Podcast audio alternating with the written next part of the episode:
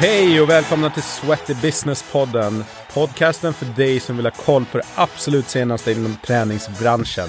Med mig, Brian van den Link. Du kan också följa oss på sweatybusiness.se och på sociala medier där vi heter Sweaty Business Media.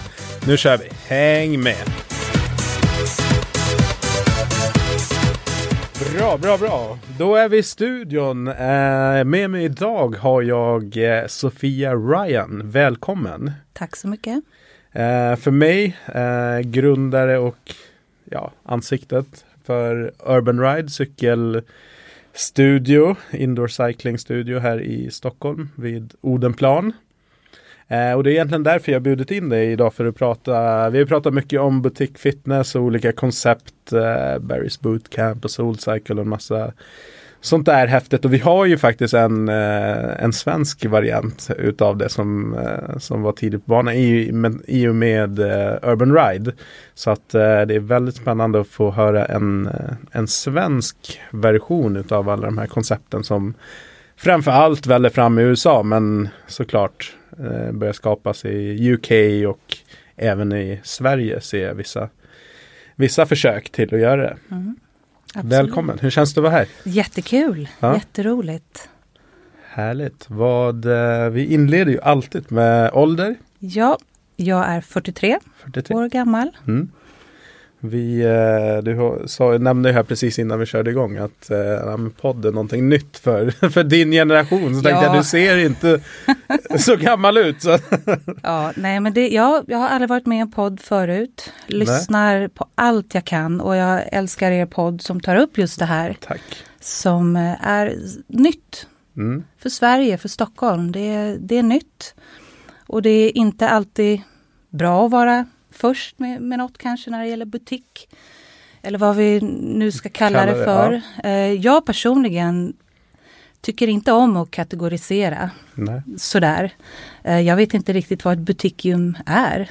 Eh, jag öppnade Urban Ride för att jag älskar den träningsformen. Ett butikium är väl kanske mest att det är en nischad träning. Mm. Det kanske är det folk tänker på. Eh, exklusivt kanske. Ja. Exklusivt för mig är inte att det ska vara snyggast inredning och snyggaste cyklar och träningsmaskiner utan det ska vara den här känslan som jag försöker att förmedla att vi är en familj. Eh, mm. Jag kan nog alla namn på alla medlemmar. Jag kan säkert deras skostorlekar också när jag delar ut cykelskorna. Det, det, det är det jag kallar för exklusivitet. När man känner, man känner, det är en personlig service. Ja. Som eh, Vi fick mycket i USA i, på smågym och så. Men eh, här i, i, Stockholm när vi flyttade hit för fem år sedan så det var ganska opersonligt ja. på de större gymmen. Spännande. Vi kommer komma in och dyk, djupdyka i de här begreppen butik fitness, om vi nu ska kalla det, eller, och, och just vad det är som är grejen med eh, den typen av eh, anläggningar eller koncept som, som mm. gör dem så framgångsrika och varför det väller fram. Men eh, lite så här bakgrund då, var, eh, var kommer du ifrån? Vart är du uppväxt? Jag är uppvuxen norr om stan, mm. Eh, utifrån Täby. Eh, där är jag uppvuxen. Typisk fotboll, tennis, bakgrund. Det var fotbollen konstant tills jag flyttade från Stockholm när jag var 22. Eh, spelmässigt mer fotboll. Eh, tennisen tog öv, gick över mer till att jobba som tennistränare. Ja. Men både fotbollen och tennisen har konstant varit i mitt liv. Kan mm. jag säga. Från uppväxten. Bra och eh, nu driver du, äger eh, Urban Ride då, som ett cykel, en cykelstudio. Men hur ser din, om man får kalla det då, karriär med att jobba med träning? Hur har du mm. Hur har den sett ut? Eh, som sagt, jag tränade ju väldigt mycket som junior eh, och eh, jobbade som tennistränare från 15 års ålder. Och i och med det så, även fotbollstränare då på, till knattar och så, men i och med det får man ju gå alla de här utbildningarna och som fotbollsförbundet och tennisförbundet håller i. Jag har lärt mig otroligt mycket av dem. Man ska inte underskatta Nej de faktiskt, både som domare och ja, de, de är bra. Om man eh, tar, till det, tar till sig det som jag tror att de försöker förmedla så ska man inte underskatta dem. Eh, sen flyttade jag, eh, jag utbildade mig till fotograf eh, Okej, när jag var ja. ung. och jag flyttade till USA, till New York, när jag var 22. Vinst och förlust, skulle jobba som fotoassistent där. Eh, och eh, lite svårt i början, eh, men sen så fick jag till slut ett eh, 18 månaders visum.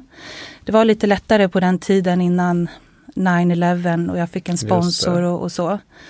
Eh, och på den vägen var det. 18 månader blev nästan 16 år i New York. Wow. Så det är nästan lika mycket New Yorker som stockholmare, eller? Nej, Nej. jag är nog stockholmare. Eh, Men i alla fall, där jobbar jag som fotograf. Eh, Födde två barn som nu är 17 och 14. Min man är amerikan eh, och vi bestämde oss för fem, ja, vi flyttade till Sverige för fem år sedan. Vi tänkte att vi ville ge barnen Sverige också. Just det. Väldigt viktigt tycker jag. Och även min man, tack och lov. Att eh, New York i all ära, det är en fantastisk stad på så många sätt. Men eh, jag vill ge barnen Sverige också. Mm. Så nu har de båda. Härligt.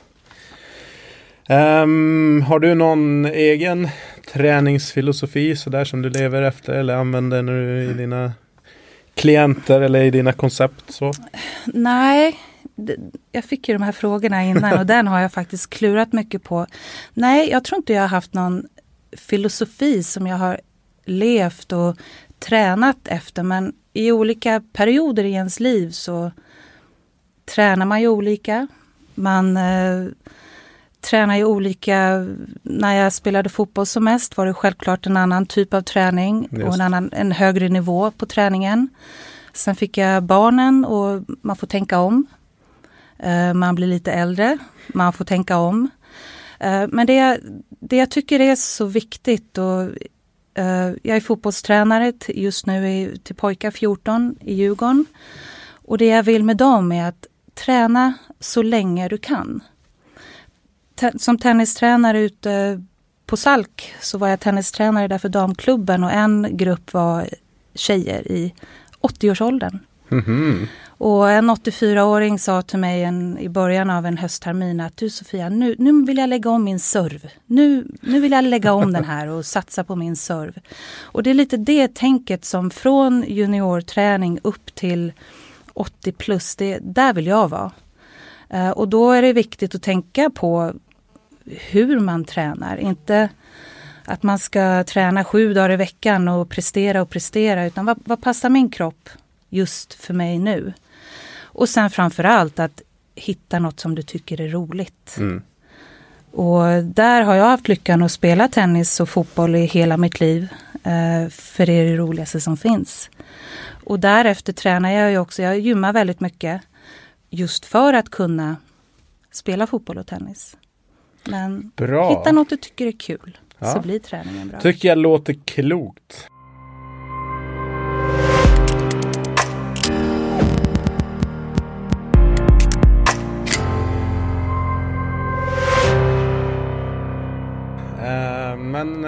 Vi då eh, hoppar in i det här med Urban Ride Mm. och eh, cykelstudion. Du kanske bara kan berätta för de som inte har koll på det. Vi länkar ju såklart i eh, ja, alla sociala medier till som man kan hitta er Mm. och se på bilder och så. Men eh, om du bara förklarar vad, ni, vad är Urban Ride för något? Urban Ride är en eh, träningsform där vi, eh, ja det är konditionsträning på cykel kan man säga, så enkelt är det. Eh, men vi inkluderar ju även överkroppsstyrka. Eh, så vi använder oss av små hantlar, eh, lättare vikter Mm. i 5-7 minuter ungefär under ett pass. Och där, det är lätta vikter så det är väldigt många repetitioner. Uthållighetsstyrka, om det är Ja. ett begrepp. Vi lägger även på koreografi för att kunna koppla in muskelgrupper som man kanske inte använder så mycket i traditionell spinning. Just det. Eh, Så det är väl lite dans på cykel kallar vi det för. Mm. Och koreografi, är det liksom i takt till musik? Alltid allt, i takt. Alltid i takt till musik. Till musiken. Ja. Det är ett otroligt viktigt eh, instrument vi använder, eh, som instruktörerna bygger upp passen till låtarna. Strukturen av en låt är ju jätteviktig i våra pass. Att de bygger upp med vers och refräng och brygga och skapar olika intensiteter eh, genom de här eh, låt. Ja. Som en låt är strukturerad helt enkelt. Yes. Bra, och bakgrunden till det här, du är ju som, som sagt varit i New York i, i 16 år så att, eh, och jag har läst på här innan att, eh, och det är ju det ni har byggt en del i inför lanseringen av det här konceptet vart inspiration, inspirationen är hämtad. Men Mm. eh, kan du berätta lite grann vad du såg och vad som gjorde att Mm. du väl tog med dig hit? Ja, det, det började en dag, det är säkert tio år sedan nu. Jag hade skadat knät i en fotbollsmatch. Min man har en, en dålig fot sedan länge. Och han sa det, kom igen nu, vi går och provar det här, den här cyklingen, den här soul cycle. Och jag tänkte aldrig i livet kommer jag sätta mig på en spinningcykel. Det är ju, för mig är det rehab i fotbollssammanhang. Ska man sitta och harva på en cykel i 45 minuter? Det tog mig ungefär 15 sekunder att fatta vilken fantastisk upplevelse det här var. Eh, det var verkligen eh, dans på cykel. Eh, härlig musik, inspirerande instruktörer. Jag, jag blev hooked på en gång. Och sen är det också, man jobbar jättemycket och två ungar. Och det var verkligen helkroppsträning, kondition och styrka på 45 minuter, allt i ett. Mm. Det var bra för oss då. Eh, men det var framförallt så jäkla kul. Ja men för det Eh. känns ju verkligen som, nu har jag testat några olika koncept här. Mm. Är det ju inte så många i Sverige då som, som finns. Vi har ju Barry's Bootcamp då som ja, kör med hela sitt, sitt koncept och, och jag ser kommentarer som andra har när man varit på den typen av pass. Att just att the fun factor, att det är Ja. jäkligt, det finns något lager till. Eh, förutom liksom själva träningen där vi oftast är ganska bra i Skandinavien ändå och har liksom tänkt till på att det ska vara korrekt upplagt och att det blir en, en, en fysisk effekt också utav träning och inte kanske bara en upplevelse Mm. och skoj och sådär. Men eh, vad, mm, liksom, vad är det som skiljer? då? Vi var ju inne på det här i, i början, liksom, dels nämnde du det här med, med, med personligt. Men, eh, men vad är det för lager som adderas som gör att det blir skillnad från ett vanligt spinningpass på ett vanligt gym egentligen? Vad skulle du säga? Ja, den stora skillnaden är ju såklart, vi lägger till vikter. Eh, just på Urban Ride och, och även många andra i USA och även London. Vi, vi kör väldigt höga BPM, höga tempon i stående. Mm. Eh, det är inte så mycket i traditionell spinning. Eh, det är svårt. Eh, det är en teknik. Ja. Eh, skitjobbigt. ja, det kan jag tänka mig. Jag har inte testat och oftast jobbar man ju ganska tungt när man står Ja. i traditionell Ja. spinning eller cykling. Ja, men vad jag, vad jag vill mer få ut av Urban Ride i alla fall är ju just det här med musiken. Med musiken och instruktörerna som inspirerar. Mm. Och hur alla pass, våra 45 minuters pass är ju, alla heter Ride. Men alla instruktörer har satt sin personliga stil. För de får välja vilken musik de vill. Och det, vi märkte det när vi kom hit till Sverige då och jag tror jag har tagit tusentals spinningpass när vi, innan vi började. Uh, och många stora gym kan inte instruktörerna, vad, vad jag har förstått, välja musik utan det är en viss musik Ja. som finns och det är det de har att välja på. Eh, men det är ju genom musiken som man kan inspirera och göra det till sitt eget. Mm. Det är jätteviktigt och i takt till musiken och ja, det är grymt. Bra, varför, eh, om vi kollar runt i, i världen så, så är det ju det här segmentet som växer framförallt. Mm. Eh, där cykling är definitivt en typ av studio men sen finns det ju andra typer också. Men, eh, men kollar man generellt så, så är det liksom det här som, är som, som tillväxten är i branschen. Och varför tror du, om du får sia, liksom, varför just den här typen av koncept och fokuserade gym egentligen på en, på en viss typ av träning växer fram och, och mm. blir så poppis. Du menar nischade ja. gym, yes. inte bara cykling. Ja, ja, du var inne på det också. Svenskar, Stockholm, ja, svenskar är ju otroligt kunniga när det gäller träning. Uh, om man jämför där jag bodde i 16 år. Uh, skeptiska, uh, ifrågasätter, jätteroligt tycker jag. Eh, men därför tror jag att man också kanske börjar söka sig efter något lite extra. De flesta har ett gymkort på någon av de stora kedjorna men sen tror jag att de börjar nu också leta sig efter någonting lite mer specifikt. Mm. Om det är yoga eller om det är cykling eller någon kampsport eller något liknande så kanske för det lilla extra.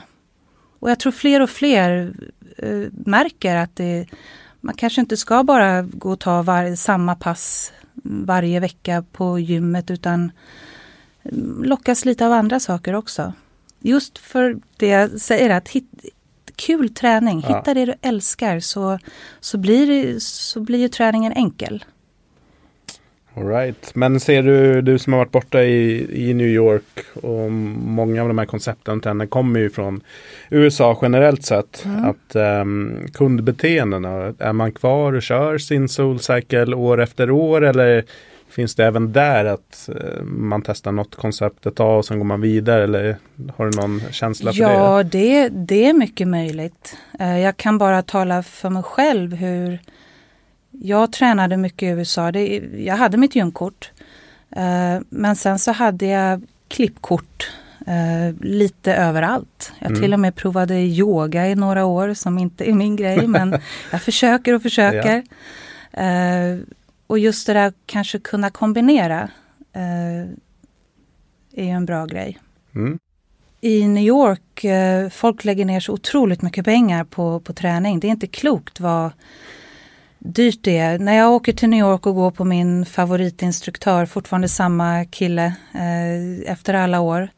Han brukar ha 90 minuters pass okay. och då måste man betala två credits. Så att det blir över 70 dollar. Per pass? Per pass. Wow. Eh, det är extremt dyrt. Eh, och jag tror inte att vi svenskar jag tror svenskar är lite för smarta för det.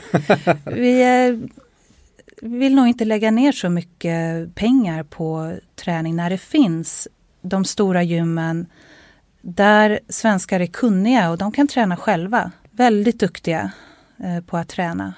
Men kan du berätta eh, om Urban Ride? Ni flyttar hem och liksom hela det här projektet. Mm.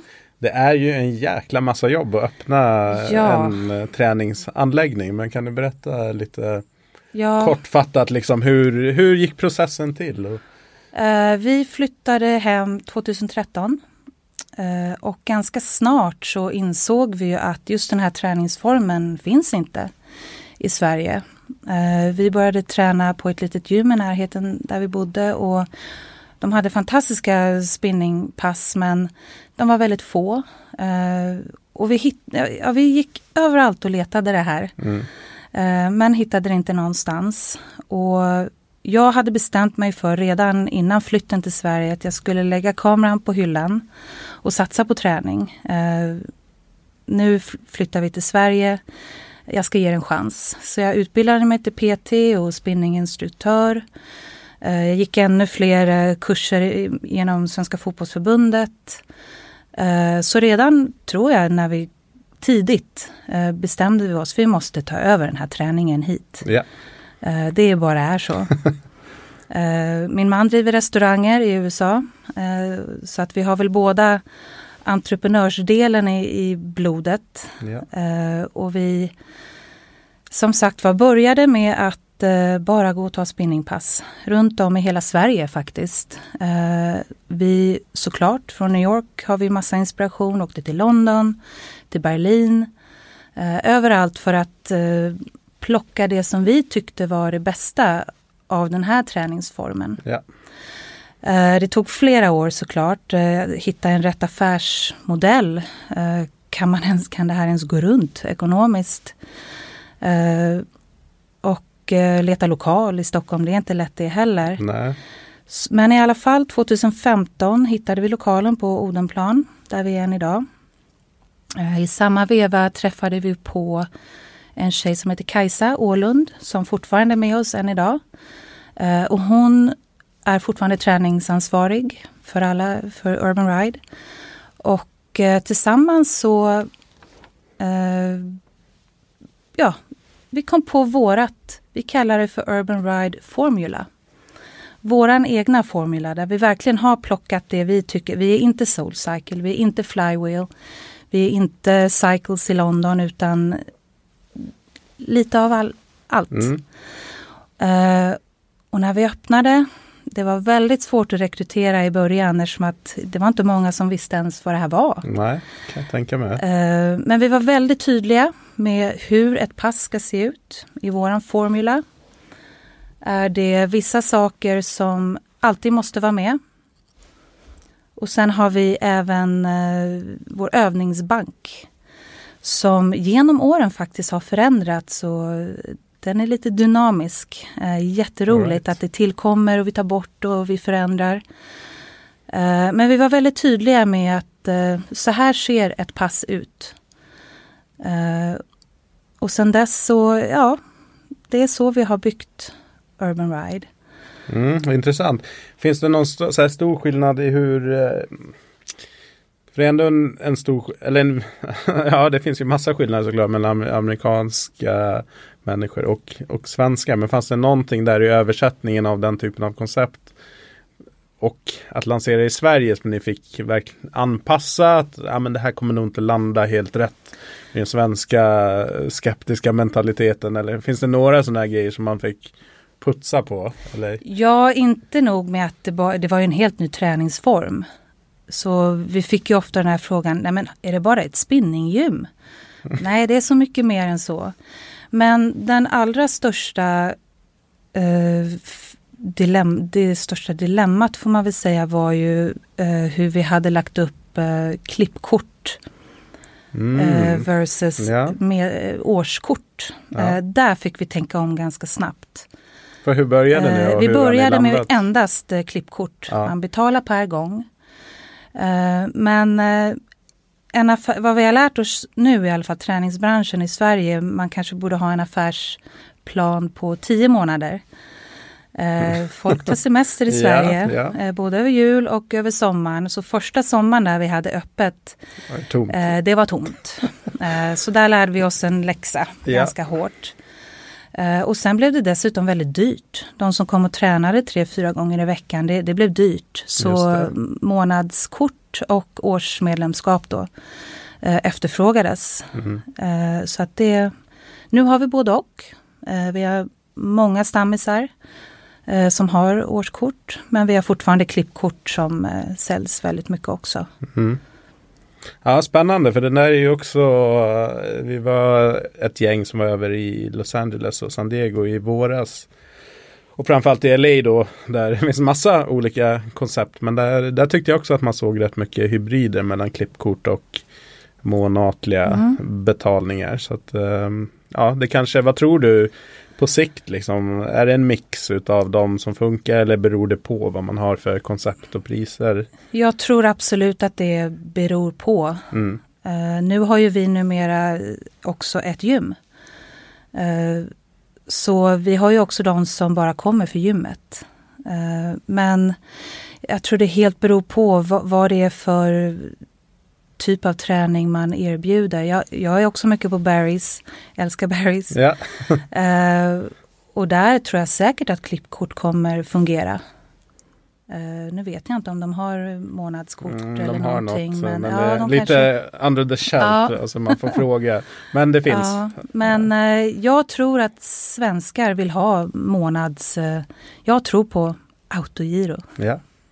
Det är, apropå somrar och, och liksom eh, periodiska svackor så är det kanske ur ägarsynpunkt Ja. också en rätt skön eh, sak att ha. Att kunna vara lite mer eh, beräkna sina intäkts, Ja. intäkter helt enkelt. Absolut. Jo, så tänkte jag så här innan man, när man ska bege sig på ett sånt här projekt och starta ett studiokoncept eller ett gym oavsett vad det är för, för någonting. Har du något tips på så här, saker som man bör ha satt sig ner och gjort läxan på innan?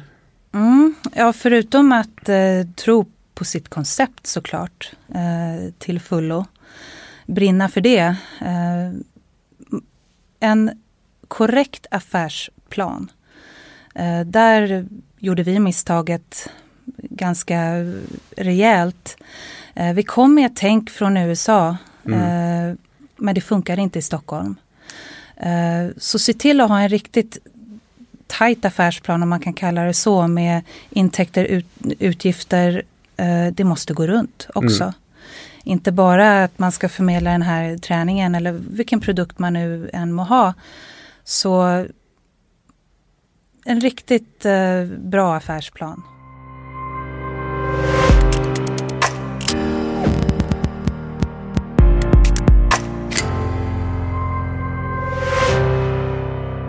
Men eh, många av de här koncepten som, som kommer fram bygger ju mycket på att eh, medlemmarna eller kunderna faktiskt ska träna eh, regelbundet. För att just att man kanske då säljer klippkort så att ju mer du tränar desto mer du nyttjar produkten desto mer sannolikt är att Ja. du kommer förnya. Till skillnad från många traditionella gym där man egentligen inte behöver vara så stressad över förnyelse förrän efter 11-12 månader. Då kan man eller gör många en effort till att försöka behålla kunderna. Så hur ser ni er eh, kundmassa? Hur ofta tränar medlemmarna Eh, ungefär? om man tänker då på vår, de som kommer regelbundet, det är nog tre, fyra gånger i veckan. Mm.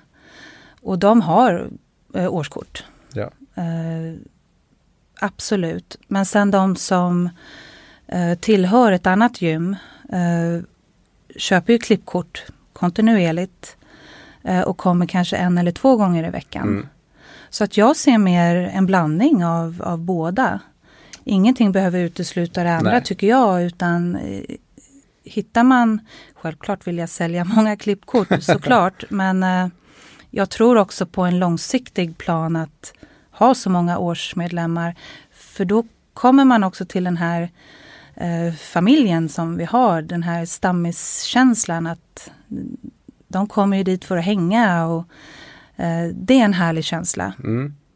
Ja, instruktörer eller personal. Du var Mm. inne på det att det var svårt att, att rekrytera. Mm. Att det är ju bygger ju mycket. Du, du nämner ju musiken men det bygger ju mycket också på att instruktörerna är jäkligt bra på att ja, men dels bygga pass då, men sen också förmedla det och liksom hålla. Hur jobbar ni med, med rekrytering och utbildning utav instruktörer? Var hittar ni era instruktörer någonstans egentligen? Eh, I början då när vi startade upp eh, och skickade ut att vi söker instruktörer, då, det var svårt. Det var väldigt svårt Mm. eh, att rekrytera till en träningsform som ingen ens hade sett. Eh, några stycken hade varit utomlands och provat på här och där men förutom mig då och Kajsa så var det helt nytt. Så de som sökte från början det, det var instruktörer som hade jobbat i Stockholm med spinning i, i många år. Eh, och några av dem är kvar än idag och är våra mest populära instruktörer. Mm.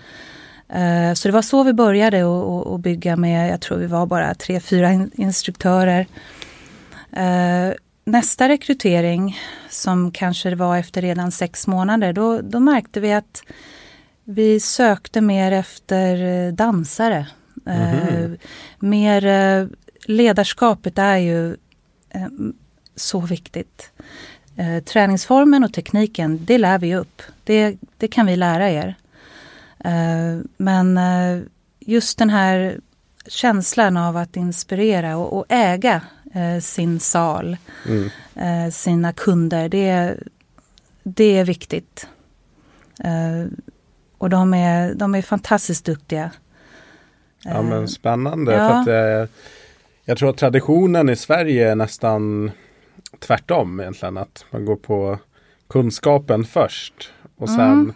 Och sen upplever jag det som att man kanske hellre jobbar speciellt aktivt med liksom den andra delen som är coachingen och presentationen utav det. Utan det blir lite som det blir. Men det blir intressant om man tar någon som är jäkligt stark i de egenskaperna och sen får tränings, eh, träningsdelarna ja. kopplat till det. Jo men vi utbildar ju våra instruktörer själva. Eh, så det är som du säger att den tekniska biten den lär vi ut. Eh, men det är ju den här känslan att förmedla träningsglädje. Den mm. tror jag inte man kan lära sig. Den måste finnas där till 110 mm. procent. Den uh, intensiteten och glädjen. Det var så jag blev fast i den här träningen i alla fall. För att det var inspirerande. Mm. Bra. Vad tror du är mer traditionella gym kan lära av eh, nischade studios? Finns det några så grejer som du ser så här att hmm, det där generellt sett, om du har varit runt i Sverige och kollat på olika koncept och internationellt sett också liksom? Ja, men kanske lite det här eh, nu tänker jag kanske inte så mycket på själva instruktörerna för att det finns så fantastiskt duktiga instruktörer överallt ja. i Sverige. Men jag tänker nog lite mer på det här bemötandet när man kommer till en reception och eh, bemötandet. Men man startar inte ett gym om man inte älskar människor. det, är ju, det är ju det viktigaste av, av allt. Och bemöta människor på deras nivå. Eh, hur de är och hur er dag varit och hur är jobbet och har ni några skador. Och, som sagt, man, man öppnar inte ett gym om man inte älskar eh, människor. Mm. Eh, och det är samma sak för instruktörerna. Och, och, jag tror att det är där, i alla fall de gymmen jag har gått på här i Stockholm genom de här fem åren, är att det är lite opersonligt. Eh, det är inget fel med det heller såklart, men det är inte det jag söker. Eh, jag var på ett pass på en av de stora kedjorna för två veckor sedan. Och det var en lunch, en måndagslunch. Eh, två stora gruppträningssalar var fyll, fyllda. En box var fylld med en, någon sån här cirkelträning. Hela konditionsparken var... Det var så mycket folk. Ja. Jag önskar jag hade så mycket folk på mitt gym men det har jag inte än. Uh, så att för den stora massan är det ju fantastiskt. Men jag vill förmedla någon slags uh, uh, familjekänsla.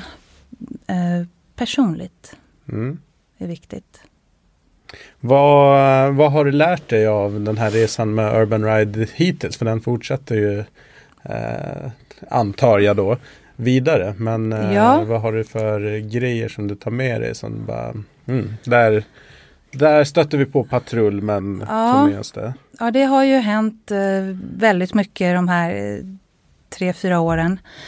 Men den allra största, det allra största misstaget vi gjorde, det var att vi startade för stort. Mm. På 500 kvadratmeter med 40 cyklar med en helt ny träningsform som ingen visste vad det var i stort sett. Uh, så det var väl vårt största misstag men uh, det ledde ju också till något riktigt, riktigt bra. Uh, redan efter ett år så märkte vi att det här håller inte ekonomiskt. vi letade efter mindre lokaler och vi la också ut eh, halva delen av vår lokal till eh, försäljning.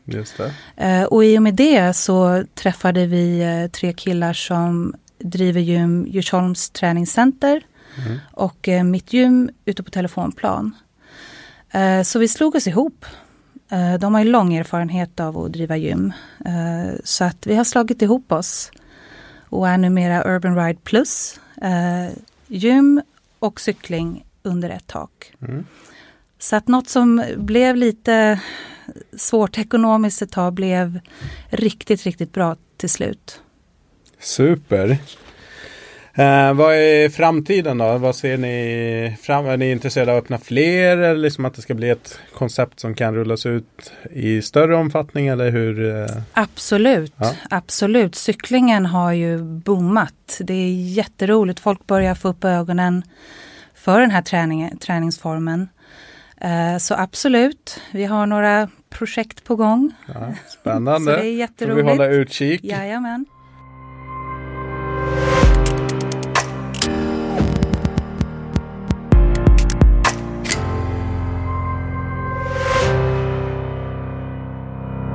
Vi har kommit till en sektion som, eh, som jag kallar för Vad säger du om det här? Så de här frågorna har du då inte fått förbereda dig på men det, det rör ungefär det vi har pratat om här. Men eh, mitt första påstående eller sägning är att eh, det var svårare att få fart på businessen än ni hade föreställt er. Absolut, utan tvekan. Mm. Eh, för stor lokal, för många cyklar, helt ny träningsform. Eh, jättesvårt. Mm. Ni var ju tidiga på Alltså det är ju intressant att borta i USA så har det rullat på. Men eh, av någon anledning så har det liksom inte riktigt landat här. Jag har jobbat inom träningsbranschen i snart tio år men det är ju först egentligen de sista två, tre åren som jag har fått upp ögonen för alla Mm. de här spännande koncepten. Mm. Visst, Soulcycle har man absolut hört talas om men, men det hade man, jag, ingen aning om vad, vad det egentligen gick ut på. Nej, Eh, för jag jobbade ju på Sats då och eh, det var snack om, ja men skulle man göra något liknande koncept och då var det lite folk från produktavdelningen på Sats som hade varit över och då, då sa de att eh, nej men det är för dålig träning. Eh, så att det Mm. var så, den hade jag med mig i bakhuvudet. Alltså. ja, ja men den, och den har vi hört eh, jättemycket. Men, men vad är dålig träning? Mm. Ja, som elitidrottare kanske man inte... Då har man ju andra mål och, och träning men all träning är väl bra träning. Eh, jag tror mig Brian, om du kommer och cykla hos mig, jag lovar att du kommer bli svettig. Ja. Eh, så nej, jag, jag håller med till viss del såklart. Men eh, för mig är all träning bra träning. Vi har alla åldrar hos oss eh, som kommer. Vi har gravida kvinnor som kommer och cyklar. Så att, eh, Nej, ska komma och testa det definitivt. Jag har, har en liten tanke Ja. men vi återkommer till det.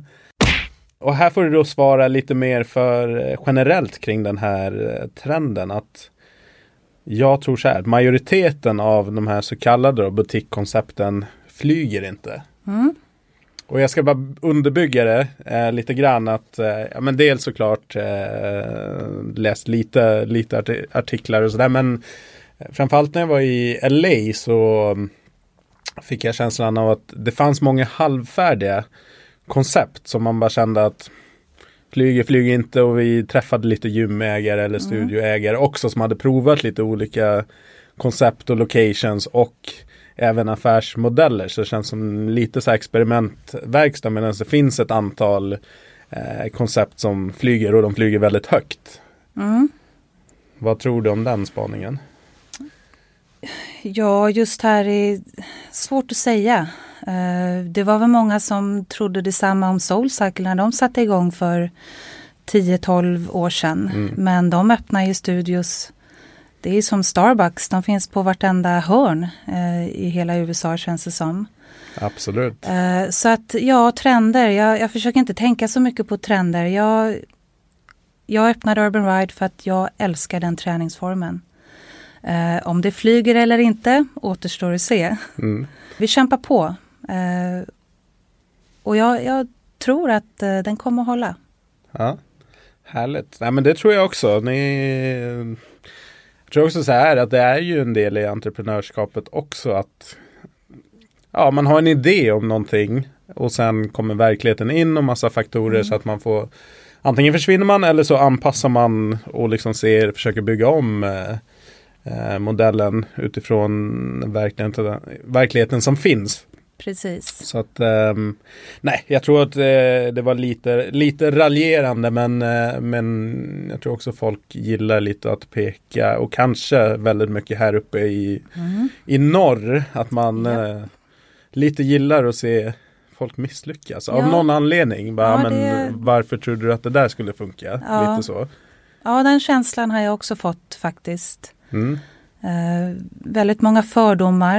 Eh, skeptisk eh, mot eh, nytt. Men eh, vi får bara bevisa motsatsen.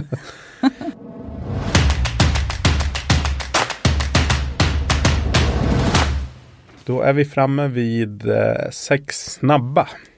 Där ja, jag ställer några korta frågor och du får bara skjuta in dina svar. En app som du använder mycket. Ja, dagligen kollar jag väl till TLS fotboll. Livescore fotbollsresultat. Ja. Helt klart. En eh, podd som du lyssnar på eller bra bok som du läst som du vill tipsa andra om? Eh, jag har faktiskt precis börjat läsa en jättefascinerad bok som heter Elefanteffekten. Skriven ja. av en Cecilia Duberg och, och handlar om förmågan eller oförmågan att kunna mm. samarbeta. Och det är en ganska konkret bok sådär med tips och eh, jag har redan som, jag tränar ju då 14-åriga killar i fotboll och det är inte det lättaste alltid eh, att lära dem att samarbeta och eh, på samma sätt som i team med alla instruktörerna att eh, ja, samarbete, det är fascinerande. Mm. Så elefanteffekten kan jag definitivt rekommendera. Jättebra. Vi hade Cecilia med, en av våra första Aha. gäster. Jag kommer inte ihåg vilket nu, avsnitt fyra eller fem, sex någonting. Och då hade hon släppt eh, Lejon eh, någonting, Lejonagendan kanske den Ja, hette. ja, okej. Okay. Så att hon fortsätter Nej, men vad lustigt. på djurspåret. Men eh, en, ett av våra mest lyssnade avsnitt. Mm, så att, eh, ja, det förstår jag.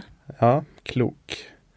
Ett projekt som, eh, som du anser som lyckat och som du är stolt över? Urban Ride. Urban Ride såklart. Eh, något som har gått i andra riktningen som har misslyckats eller som du har lärt dig utav? Ja, men kanske delmål då genom resan i Urban Ride att man har misslyckats totalt på så många, eh, allt ifrån event man har som ingen kommer till och eh, till mer ekonomiska beslut man tar. Och, så det är väl kanske mindre små delar i den här resan som har varit tufft. Mm. Uh, och man får bestämma sig om man ska fortsätta eller inte. Uh, och vi har hamnat i sådana lägen ganska många gånger under de här tre, fyra åren. Men uh, som jag sa då, den här, det här samarbetet eller våra nya partners, det, det är guld. Det, den tror jag på. Mm. Toppen. En eh, person som du ser upp till har eller har haft som förebild? Ja, den har jag nog samma svar så länge jag kan eh, minnas. Eh, så länge jag kan minnas, det är ju Billie Jean King. Ja. Pionjär inom, inte bara inom kvinnor i tennis utan kvinnliga idrottare. Mm. Uh, det, det, är väl alltid mitt uh, svar, to go-svar. Men jag läste en bok för inte så länge sedan om Tim Howard. Uh, målvakt, fotbollsmålvakt i USA. Och vilken förebild. Det, han har Tourettes syndrom ja. och ADHD. spelat i Premier League i många år. Varit USAs landslagsmålvakt. sån fantastisk förebild. Mm. Eh, en trend, du sa att du inte tror så mycket på trend eller tittar så mycket. men oavsett, jag ställer en. En ja, trend som du eh, tror att vi får se eh, här framöver. Det kan vara träning, det kan vara eh, annat, livet.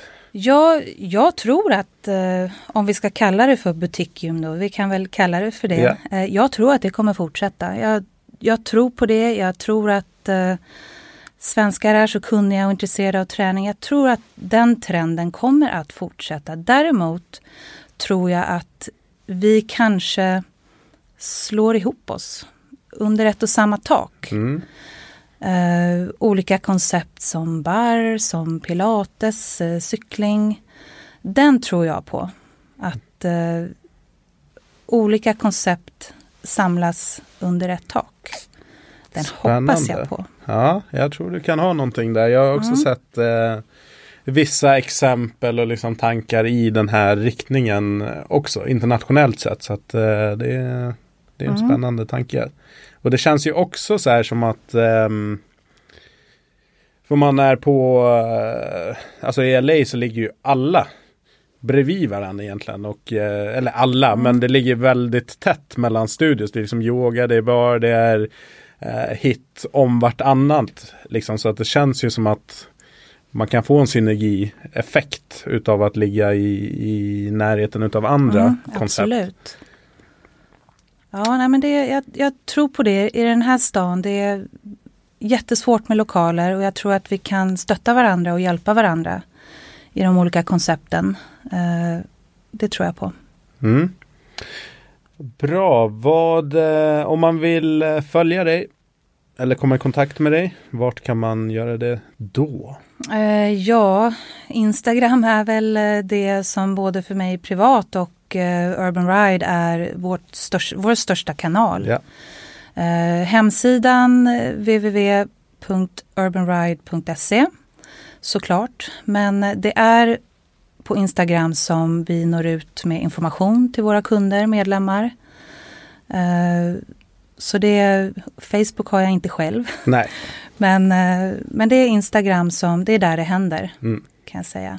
Det är det verkligen. Då vill jag tacka för att du var med. Stort tack. Tack så mycket. Kul att vara här.